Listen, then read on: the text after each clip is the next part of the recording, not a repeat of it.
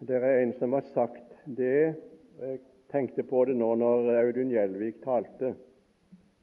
Eller hadde sin bibeltime her.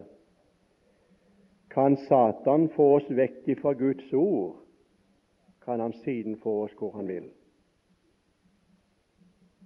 Jeg tror det er riktig, det. Kan Satan få oss vekk fra Guds ord og få oss til å tvile på det som står der, og, og dra det i i tvil og ikke lite på det som står der, ja, så har han fritt spillerom til å få oss hvor som helst. For det var det han gjorde. Jeg har sagt det flere ganger i visse anledninger da. Når han kom til Eva, så sa han Har Gud virkelig sagt at det skal ikke ete av noe tre i hagen? Det visste jo djevelen at ikke han hadde sagt. Han hadde sagt at et av alle trær i hagen. Men han forvanska det hele greia, som om Gud skulle ha sagt at jeg har ikke lov å ete av noe tre i hagen. Så sa Eva nei, det har han, det, det har han ikke sagt. Han har sagt du skal ete av alle tre, men det kunnskapens tre til, tre til godt og vondt, det skal de ikke ete av, for den dag du eter det, så skal det dø. Og så sa djevelen det er ikke sant, det. Det skal ikke dø.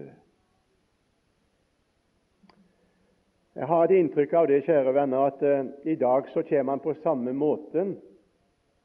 Har gjort det alle dager, men syns veldig sterkt i dag, i våre dager, i vår tid. Og nemlig dette Har Gud virkelig sagt? Er det ikke Paulus og Peter og, og mennesker som sier det som står her, da? Hvordan kan vi lite på det? Er det Gud som sier slikt, da? Og så begynner han å, å tvile på om det er Gud som har sagt det. Kjære forsamling, jeg vil gjerne få lov å si det for min egen del, at her er nettopp det som vi må være våken for og holde fram for unge, den oppvoksende slekt. Bibelen er Guds ord. Han har sagt det enten det er gjennom apostler eller profeter. Det er Guds ord. Da er ikke det i tvil. Himmelske Far, nå vil vi be om at du skal velsigne også denne time. Herre, jeg er engstelig her jeg står fordi at jeg må ikke komme med noe som ikke er i samsvar med ditt ord. Det står om folket ditt Israel, Gud, at de innhylla deg med sannheter, med ord som ikke var sanne. Så folket fikk et feil, et feil syn på hvem du var. Herre, nå vil vi be om nåde til å kunne få lov å forkynne ditt ord, og forkynne som ditt ord.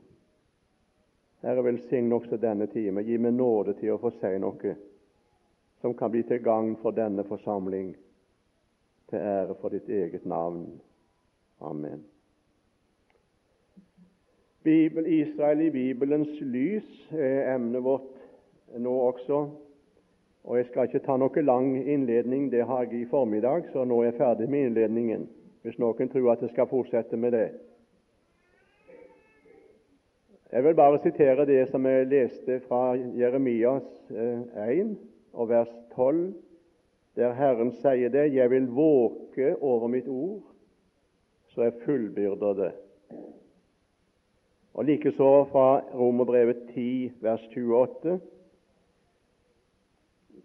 Sitt ord skal Herren utføre og hastig fullbyrde på jorden. Israel i Bibelens lys.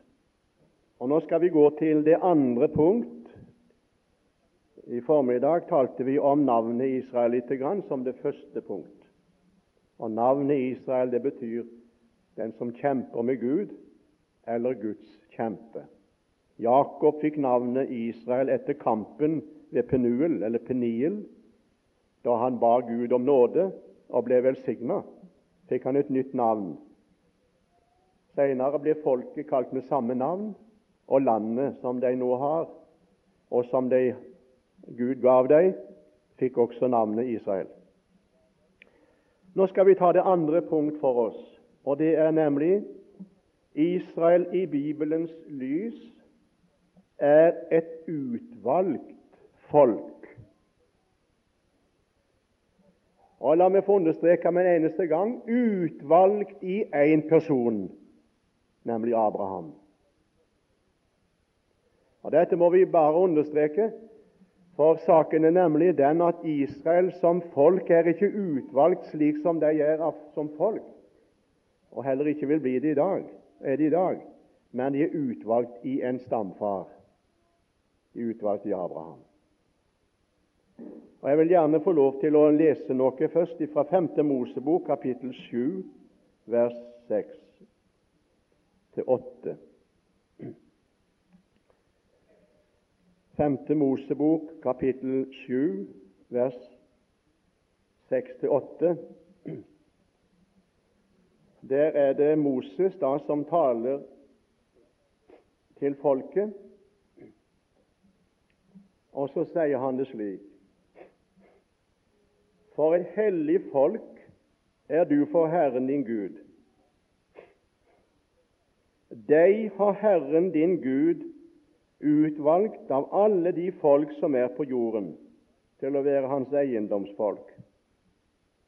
Ikke fordi I var større enn alle andre folk, fant Herren behag i eder, så Han utvalgte eder, for I er min, det minste blant alle folk.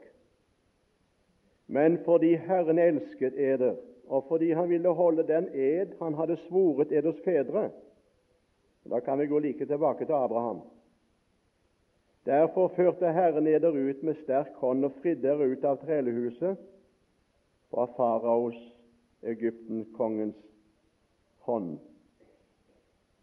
Så vit da, vi kan ta vers 9 òg, så vit da at Herren din Gud, han er Gud, den trofaste Gud, som holder sin pakt og bevarer sin miskunnhet mot tusen ledd, mot dem som elsker ham og holder hans bud. Og Går vi til kapittel 14 i Første Mosebok, så, så ser vi også det. Der står det i vers 2. Der gjentas det da. Første Mosebok 14, 14,2. For et hellig folk er du for Herren din Gud, og deg har Herren utvalgt av alle de folk som er på jorden, til å være hans eiendomsfolk utvalgt deg blant alle folk på jorden til å være hans eiendomsfolk. Og Vi kunne gjerne stille det spørsmål hvorfor utvelger da Gud et folk, et lite folk? Og Jeg vil gjerne få lov å si det at her synes jeg ser noe av Guds prinsipp, som han til alle dager eh, handler etter. Hvis du går til 1. Korinterbrev, kapittel 1, så ser du det hvordan Gud utvelger i den nye pakt. Det står nemlig det at han ikke mange mektige, ikke mange høybårne, skriver apostelen, men det som var svakt og lavt og ringaktet, ja, det som ingenting er, det utvalgte Gud seg for å gjøre til intet det som er noe. Og Når vi ser der fra 5. Mosebok kapittel 7 at, at dette folket var det minste blant alle folk, en ringe begynnelse, og så ser du dette folket bli til et stort folk. Ja, så stort at det står i Bibelen lenger framme, vi skal gjerne sitere litt fra det òg, nemlig at etten han skal bli som, så mange som stjernene på himmelen og sanden ved havet.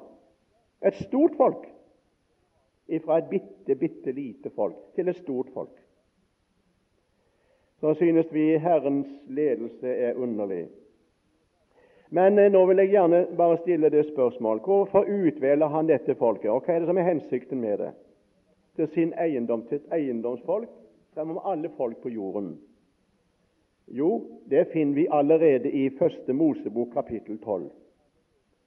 Og Jeg vil gjerne lese også det.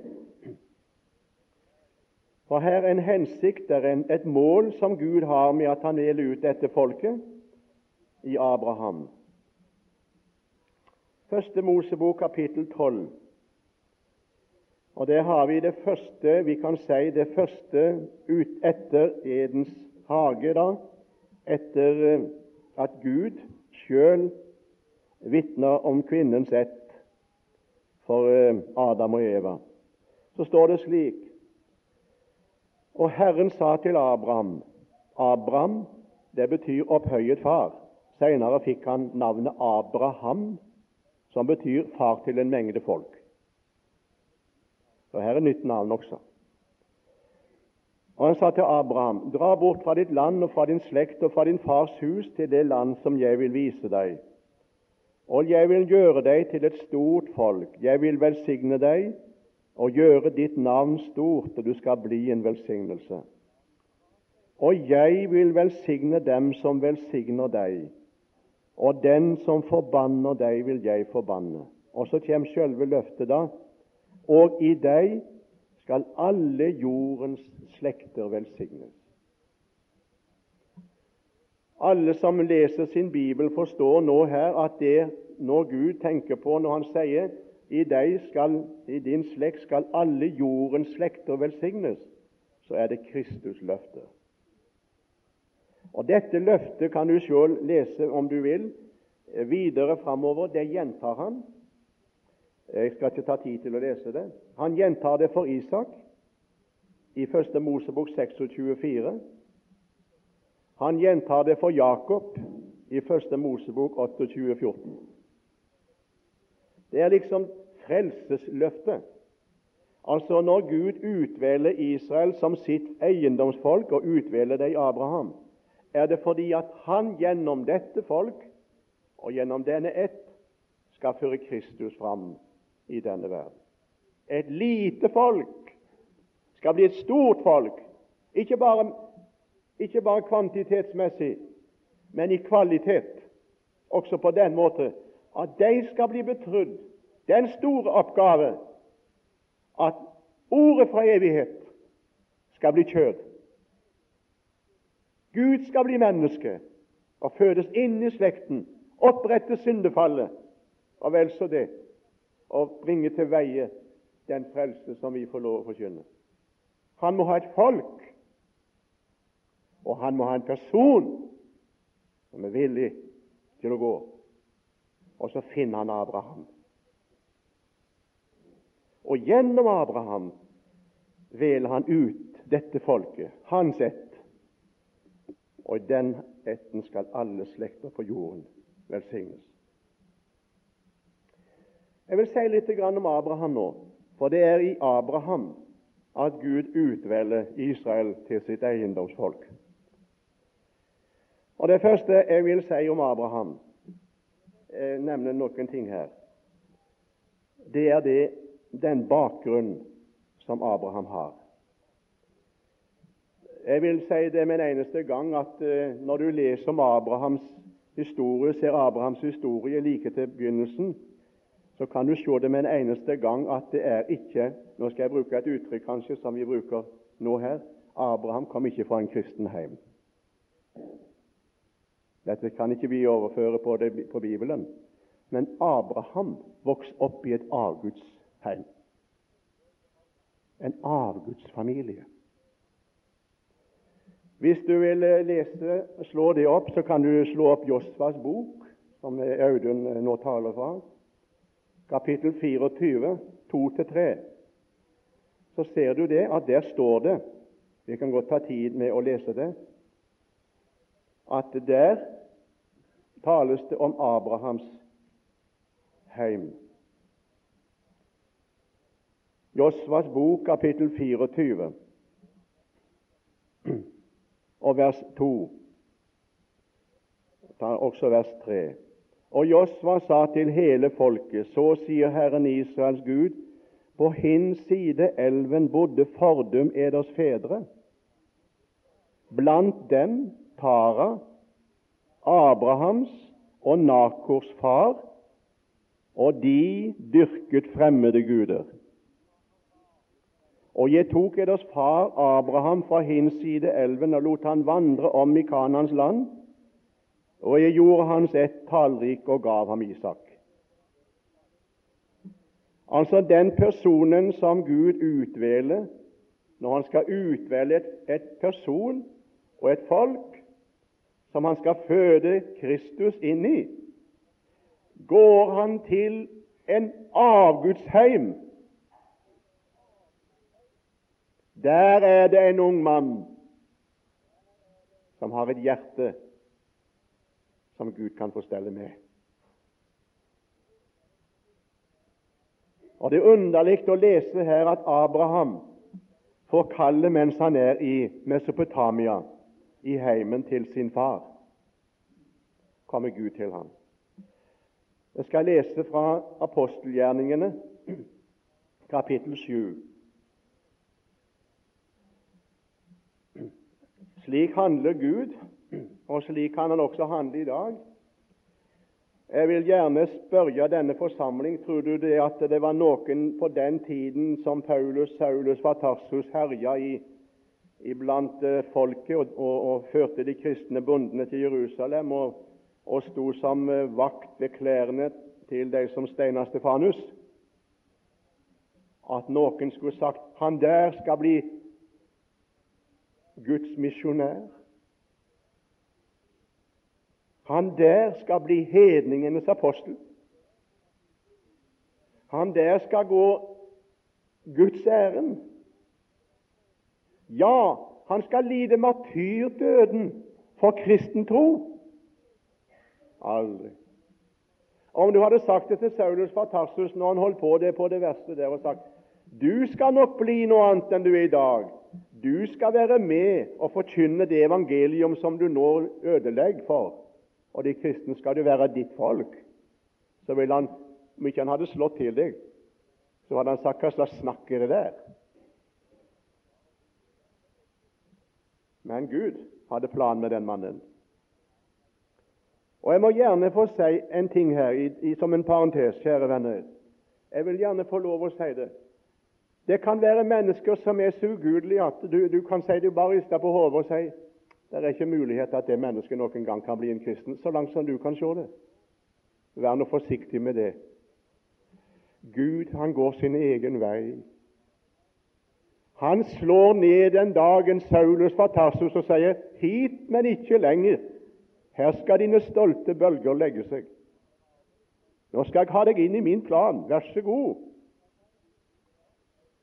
Og Så sitter han i himmelen og så ser han ned på jorden. og sier ja, hva slags person skal jeg nå få til å Ja Få til et folk som kan gå mitt ærend og føde Messias, Kristus, inn i verden. Han går ikke til Jerusalem. Han går ikke til de store menn.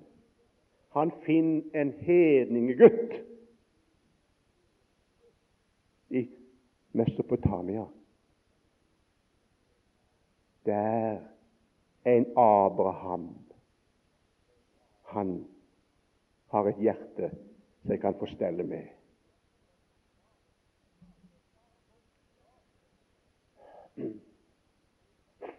Det har hendt før, det. En Skrefsrud som satt i fengsel. Ja, hva ble han, du? Kan hende det, venner. Jeg vil gjerne si det òg. Kan hende at Gud også må gå den veien i dag. Eh, jeg tror jeg vil si det i en parentes. Det, det ligger på meg å si det. At det er verslige mennesker, det er mennesker som gir seg over til Gud i dag. De opplever det at det er noe annet som kommer. Radikalt ifra verden. Blir revet som en brann ut av ilden. Men når de da får komme gjennom til liv med Gud, så er de så overgitt over kristenstanden.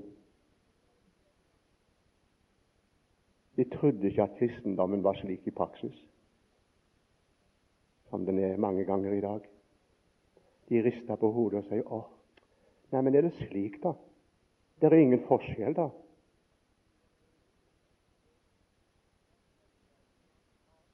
Jeg setter det på spissen nå.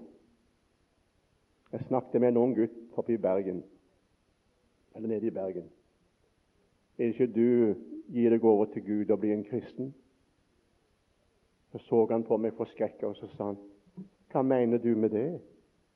Bli en kristen?' Ja, bli en Herre Gud til, bli en kristen, følge Jesus.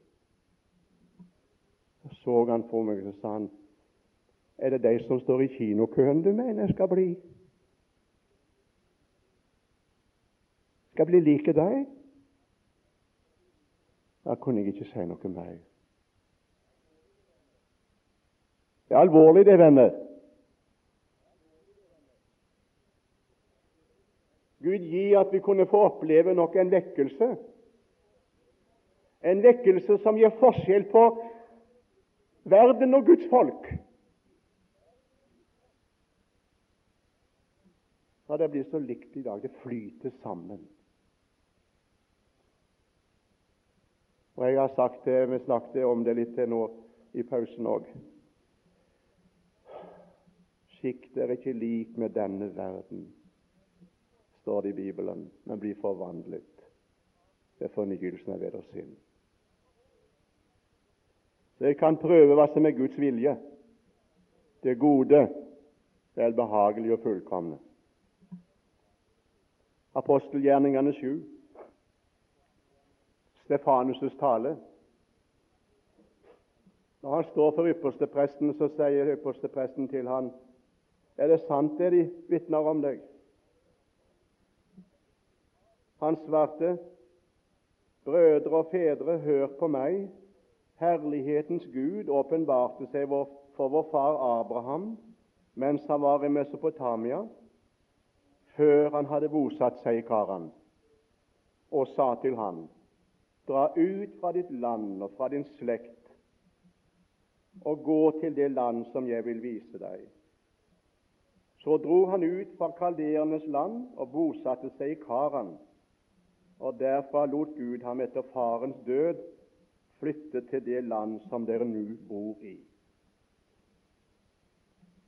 Har du tenkt på det? Hvis du nå slår opp Første Mosebok igjen, kapittel 11 når du veit hva Karan var for noen ting, så står det her i vers 31 at det var ikke Abraham som drog ut, men det var Tara, faren hans, avgudsdyrkeren.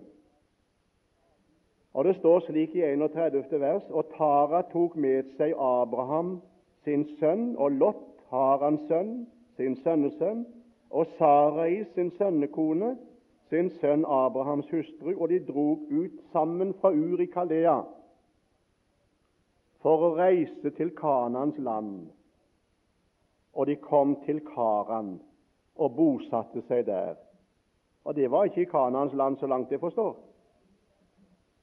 Og Taras dager ble 205 år, og så døde Tara i Karan. Altså, Gud kom til Abraham i Uri Kaldea og kalte ham og sa 'Dra opp fra ditt land og fra din fars hus og til det landet jeg vil vise deg'. Det står ikke i Bibelen at det skjedde en samtale mellom Abraham og faren, men det ser slik ut. Så går Abraham Nå er det mine ord, dette. Går Abraham til faren og så sier han, du, far, Gud kaller meg til å forlate dere. Gud kaller meg til å dra opp herifra og dra til et land som, vil, som Gud vil vise meg. Så sier faren kanskje på den måte Du, Abraham, det er greit nok, det, men jeg skal være med på det der. Jeg skal være med. Nå reiser vi. Han hadde, Gud hadde sagt 'dra bort fra ditt fars hus'. Tara han sier nei, nei, nei, dette her, han kan ikke reise, men nå, nå reiser vi i lag og så reiser vi bare til Karan. Og Karan var avgudsbyen nummer én. Den Gud som ble dyrka i Abrahams heim i Urikalea, og som Tara dyrka, det var den guden som hadde sitt store tempel i Karan. Måneguden Skin eller Nanner, som den også het. Der, dit reiste de, og der ble Abraham hindra, venner, i sin ferd mot Kanans land. Han var trolig nokså i, i sine beste år når han drog ut fra Karan, fra Uri Kalea sammen med faren. Men først når han er 75 år, drar han ifra Karan til Kanan. Han stanste der i Karan så lenge faren levde. Kom ikke lenger. Og de årene, muligens 25 år, regner de med, gikk tapt i Abrahams liv på grunn av at faren bestemte her skal vi være. Jeg kunne sagt mye om det, men eh, la meg bare få understreke det at det er farlig når andre tar initiativet, det Gud vil du skal ta. Det er farlig når det at vi blir kalt av Gud, og så går til andre og spør hva skal jeg gjøre, som ikke har syn for det som du skulle gjort. Paulus han eh, bruker det uttrykket i Galaterbrevet. Du kjenner til det, ikke sant? Du har lest det. Når Herrens kall kom til Paulus Han kalte meg ved sin nåde. Han utvalgte meg fra mors liv og kalte meg ved sin nåde. Samrådde jeg meg ikke med kjøtt og blod. Gikk ikke til noen og samrådde meg, men jeg gikk Herrens vei. For det andre vil jeg si om Abraham at Abraham var lydig og trofast mot Gud mot Guds kall. Slår du opp eh, Nehemias bok, så skal du se det står noe veldig fint om Abraham i Nehemias bok. Og Nå står Nehemias fremdeles i Det gamle testamentet. Du må ikke lete i Nytestamentet for å finne den boka. Der står det om Nehemias han sier om Abraham. Jeg syns det er så fint.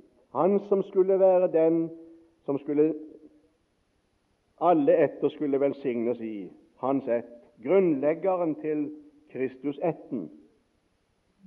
Nå står det slik i vers 6, kan vi ta fra Nehemias 9. Det er Nehemias som eh, som taler her.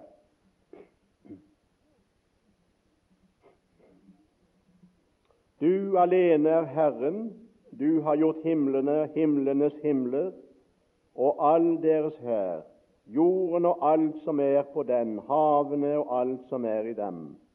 Og du holder det alt sammen i live, og himmelens hær tilbeder deg. Det var du, Gud, det var du, Herre Gud, som utvalgte Abraham og førte ham ut fra kalderenes ur og gav han navnet Abraham. Og du, så står det så fint om han, og du fant hans hjerte trofast mot deg, og du gjorde den pakt med ham at du ville gi ham hans ett, kananittenes, hetittenes, amorittenes og feresittenes og jebusittenes og Girgasittenes land, og du holdt ditt ord, for du er rettferdig. Altså, Gud ser denne mannen der i Ur i Kaldea, og så står det det Du fant hans hjerte trofast mot deg. Abraham var lydig imot Gud. Og Kan du se det som står i Hebreerbrevet 11 også, kan vi ta det med med det samme. Og Jeg synes det er så fint å lese om Abraham her. Hebreerbrevet 11 de blir kalt for troesheltenes kapittel, men jeg er ikke sikker på om de ville kalt seg for helter, som står her, men de trodde. Hva står det om det. I Hebreerbrevet 11, og det var det vers 8-10, står det slik Ved tro var Abraham lydig da han ble kalt så han drog ut til det sted han skulle få til arv, og han drog ut uten å vite hvor hen han skulle komme. Ved tro oppholdt han med utlending i det lovende land som er i et fremmed land, idet han bodde i telt sammen med Isak og Jakob, medarvingene til samme løfte. For han ventet på den stad med de faste grunnvoller som Gud er byggmester og skaper til. I tro var han lydig. Troens lydighet. Og Derfor står det i Bibelen, og så blir det brukt mange plasser, lydighet i forbindelse med tro. Når vi snakker om lydighet, så er det liksom en, en lovens lydighet. Men eh, Bibelen, denne evangeliet, den, den har bare et eneste krav. Nå skal du ikke ta det som krav som et lovkrav, men krav i anførsel, da. Og det er 'vær lydig mot meg'. Derfor heter det 'ikke alle var lydige mot evangeliet'. Evangeliet sier 'vær lydig og tro'. Guds ord sier 'tro'. Tro som det står. Vær lydig og tro. Abraham var lydig og trofast. Du fant hans hjerte trofast. I en avgudsheim møter Gud en ung mann, en mann i sine beste år, kan vi si, som er trofast, og som er lydig og villig å gå og blir til noen ting. Så tar han ut fra Karan. På veien møter han folk. Ja, det kan godt tenkes han gjør det.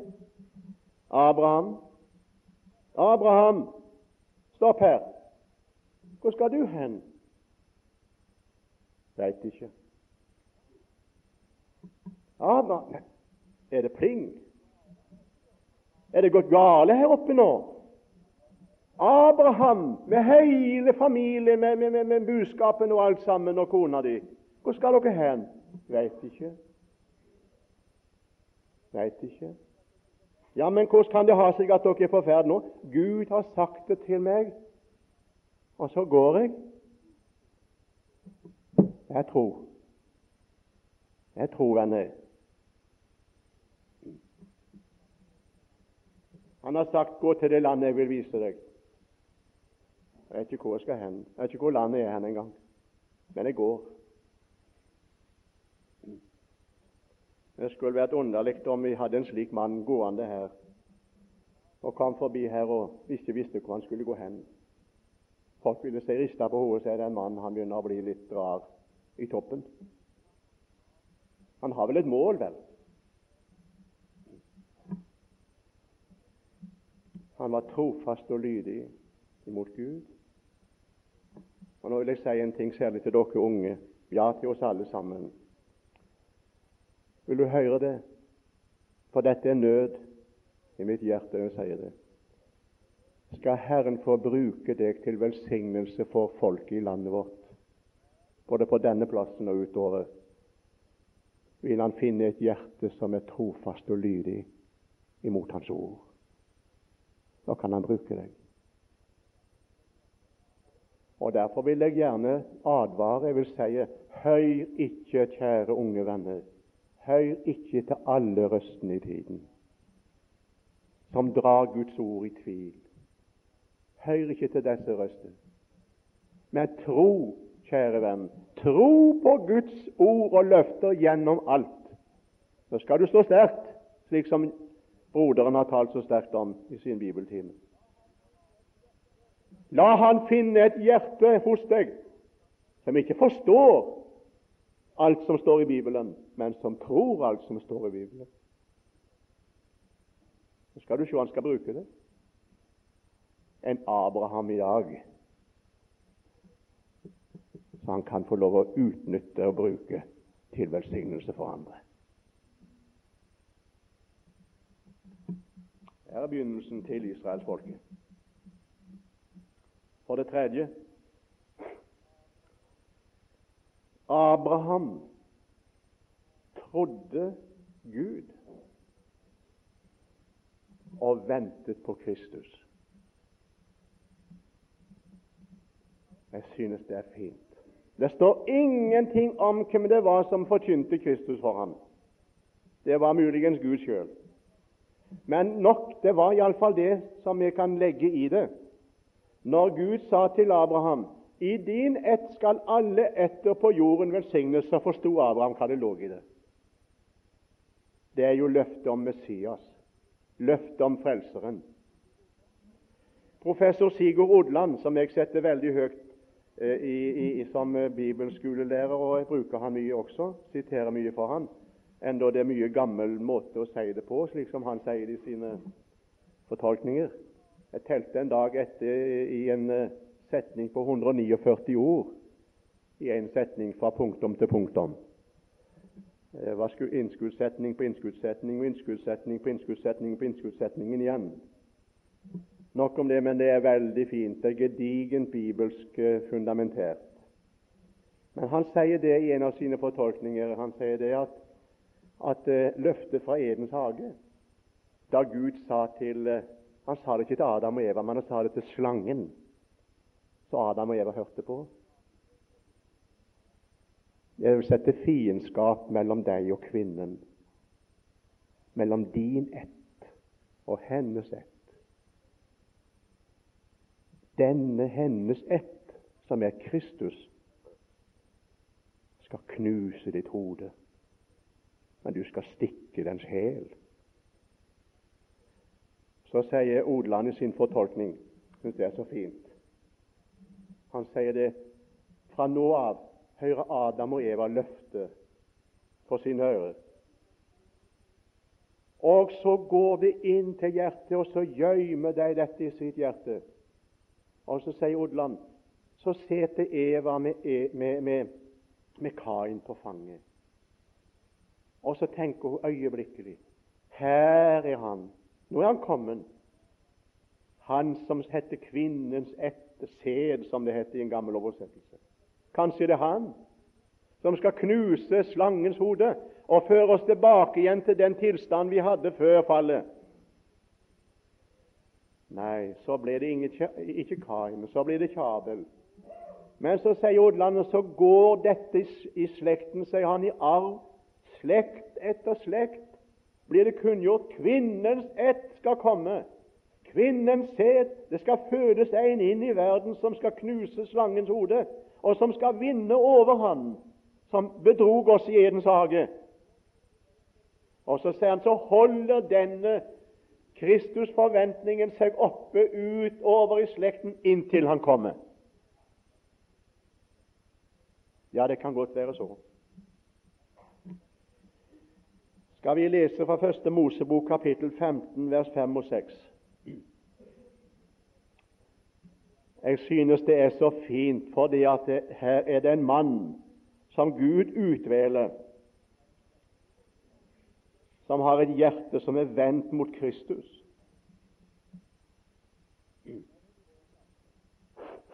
Og som tror. Det var Første Mosebok, kapittel 15, 5 og 6. Der står det om Gud at han førte ham utenfor teltet og sa Se opp til himmelen, Abraham. Se opp og tell stjernene, om du kan telle dem. Og han sa til ham, så skal din ett bli. Og Abraham trodde på Herren, og han regnet ham det til rettferdighet. Og han sa til ham, Jeg er Herren som førte deg ut fra Ur i Kalea for å gi deg dette land til eie. Hva var, det Herren, hva var det Abraham trodde? Ja, det står her Abraham trodde på Herren, og han regnet ham det til rettferdighet. Det er mange som sier det, og som tenker slik at når Abraham trodde på Herren, så var det vel noe spesielt eh, som hadde med Abrahams legning å gjøre. Nei, det var nok ikke det, du. Men det Abraham trodde Du kan selv lese det i Romerbrevet kapittel 4. Der er det sitert, vers 1-3. I Galaterbrevet 3, 16-18, om du noterer ned. Hva var det egentlig Abraham trodde? Han trodde evangeliet om den frelse som skulle komme. Og Jeg vil gjerne si når Gud rettferdiggjør, og Gud sa til Abraham du er rettferdig for mitt åsyn. Han regnet ham det til rettferdighet. Var det ikke noe annet grunnlag Abraham ble rettferdiggjort på enn vi? Han ble rettferdiggjort ved troen på løftet om Kristus, som skulle komme. Vi blir rettferdiggjort ved troen på Han som er kommet. Jeg tror vi må slå, opp eh, Galaterbrevet, kapittel 3. Vi må ta tid til å lese det. Galaterbrevet, kapittel 3, vers 16-18.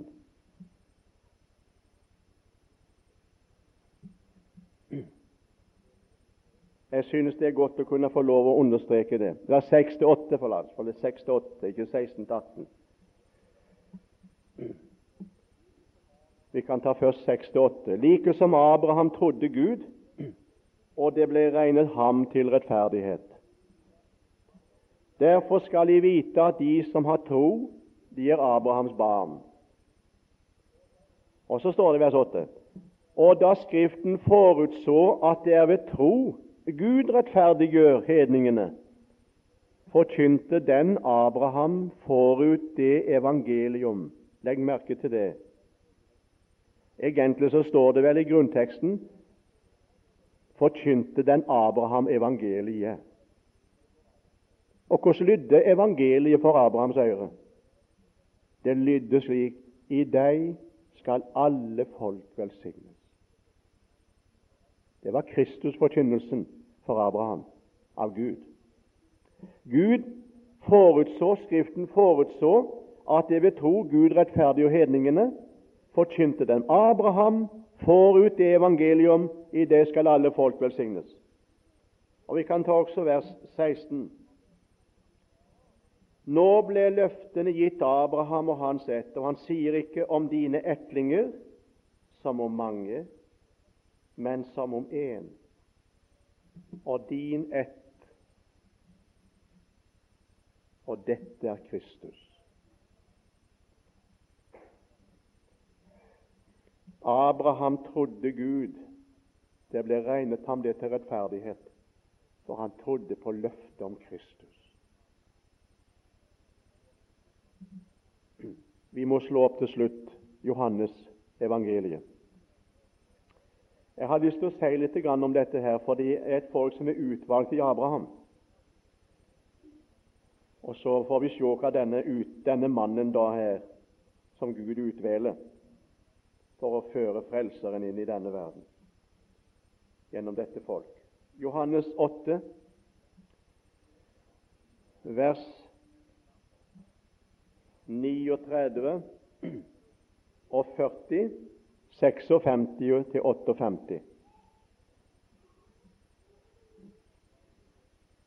Når han samtaler med jødene her, så sier, han, sier det til ham De svarte ham, Vår far er Abraham. Jesus sier til dem, Var i Abrahams barn. Da gjorde jeg Abrahams gjerning.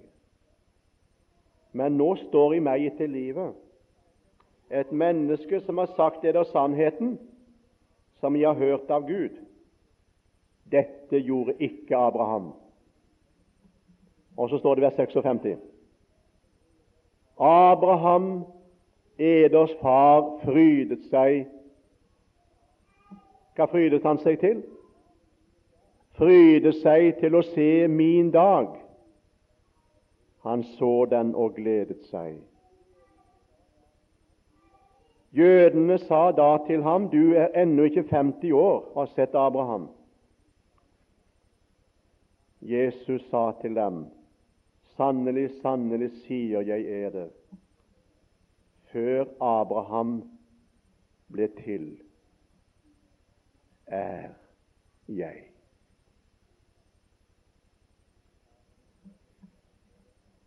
Abraham, hva var det du gledde deg over? Når du vandra der på veien, når du bodde i telt i Kanans land, når du snakket med de kone, når du var sammen med ditt husfolk, når du var på møte. Da gledde du deg over. Hva var det som fryda deg? Hva var det du gledde deg over? Gledde du deg over at Gud hadde talt til deg? Gledde du deg over at Han hadde ledet deg hit? Hva gledde du deg over? Abraham vil svare jeg gledde meg i Kristus. Jeg fryda meg over Kristus. Det er Kristus-personen, Abraham, som var i sentrum hos ham. Det var Kristus. Han så min dag og gledet seg. Jeg vil slutte av nå og vil si det.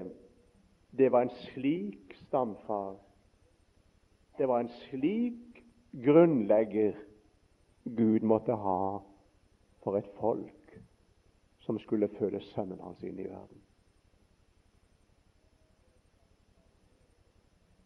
Og Derfor kan vi ta det fjerde og siste her og nevne det òg, om du vil notere det ned. Abrahams ett tales det om, og Abrahams tro.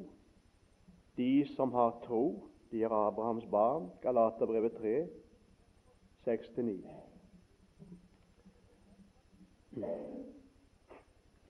De som skal være til velsignelse og bli velsigna og være til velsignelse, må ha Abrahams tro. Og Jeg vil gjerne også si det det er svært når du ser på Abraham. Jeg kunne sagt flere ting om han når han skulle få sønnen. Ja, å nei og nei. Han så på seg sjøl, sier apostelen. Gud hadde sagt i din ett skal alle etter på jorden velsignelse, så kom ikke arvingen. Og så sier han til Gud, du, nå må Ismael Gud velsigne Ismael, så han kan føre etten videre her, og det kan bli en frelse ut av det. Så sier Gud nei da, nei da. Du skal få en sønn med Sara. Det er ikke, det er ikke Ismael, men Sara skal føde deg en sønn. Og så så han på seg sjøl. Han var 100 år. Og så så han på Sara, 90 år gammel kvinne. Det var ikke rart at Sara lo når Herren sa på denne tid neste år så har Sara fått en sønn. Da lo hun. Var det ikke rart, det? 90 år. Og, og, og, faren, mannen, 100. Og da sa Gud, 'Hvorfor ler Sara?' Men da ble Sara redd, og så sa hun, 'Jeg lo ikke.' 'Jo', sa Gud, 'du lo.' Du lo. Hvorfor ler du? Vit nå det at ingenting er umulig for Gud. Og Så får de Isak, og så fikk de sannelig Så sier Gud han skal hete Isak, og Isak betyr latter. Så fikk hun alltid bli minnet om det at hun lo, for hun trodde nemlig ikke at det var mulig. Og så står det så fint om Abraham, og det må jeg slutte av med å si. Så står, ser han på seg sjøl, på Saras utførte mors liv.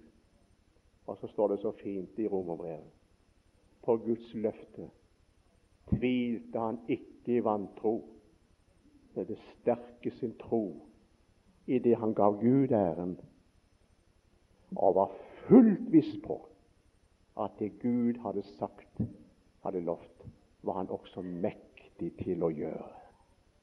Derfor ble det regnet ham til rettferdighet.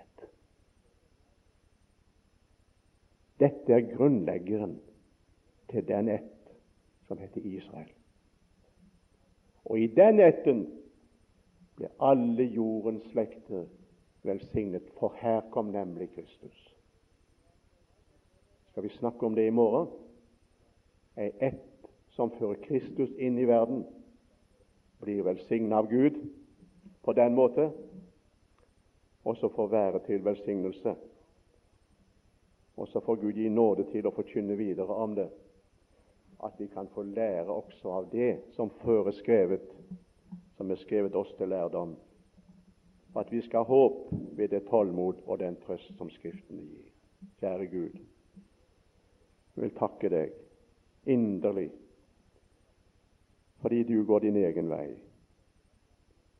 Herre, du går på tvers av forstanden og på tvers av våre meninger og på tvers av det vi kan tenke. Ja, Herre, du er en forunderlig Gud. Så går du like ned til Uri Kaldea, til hedningefolk, en hedningeheim. Der finner du en ung mann som du får lov å stelle med, og som blir velsigna av deg og blir til velsignelse. Og får være stamfar til et folk som du skulle fødes inn i Jesus. Så er du lydig mot ditt ord, villig å gå, tar deg på ordet, ser deg i sin ånd og gleder seg over din frelse. Herre, takk skal du ha for du utvalgte Abraham så må du velsigne Abrahams folk i dag, Herre. At de ikke må bare være Abrahams ett etter kjødet, men at de må få Abrahams tro. Vi ber for Israel. Herre, la de bli et folk som tror på Kristus. Det skal bli det en dag. Men takk, Herre, nå vil vi be i denne stund for de som tror på deg der nede. Det er 2000-3000 jødene som tror på Jesus som Messias. Her må du velsigne dem. La det få være en velsigna sæd i folket, til frelse for mange. Velsign videre kvelden for oss. Amen.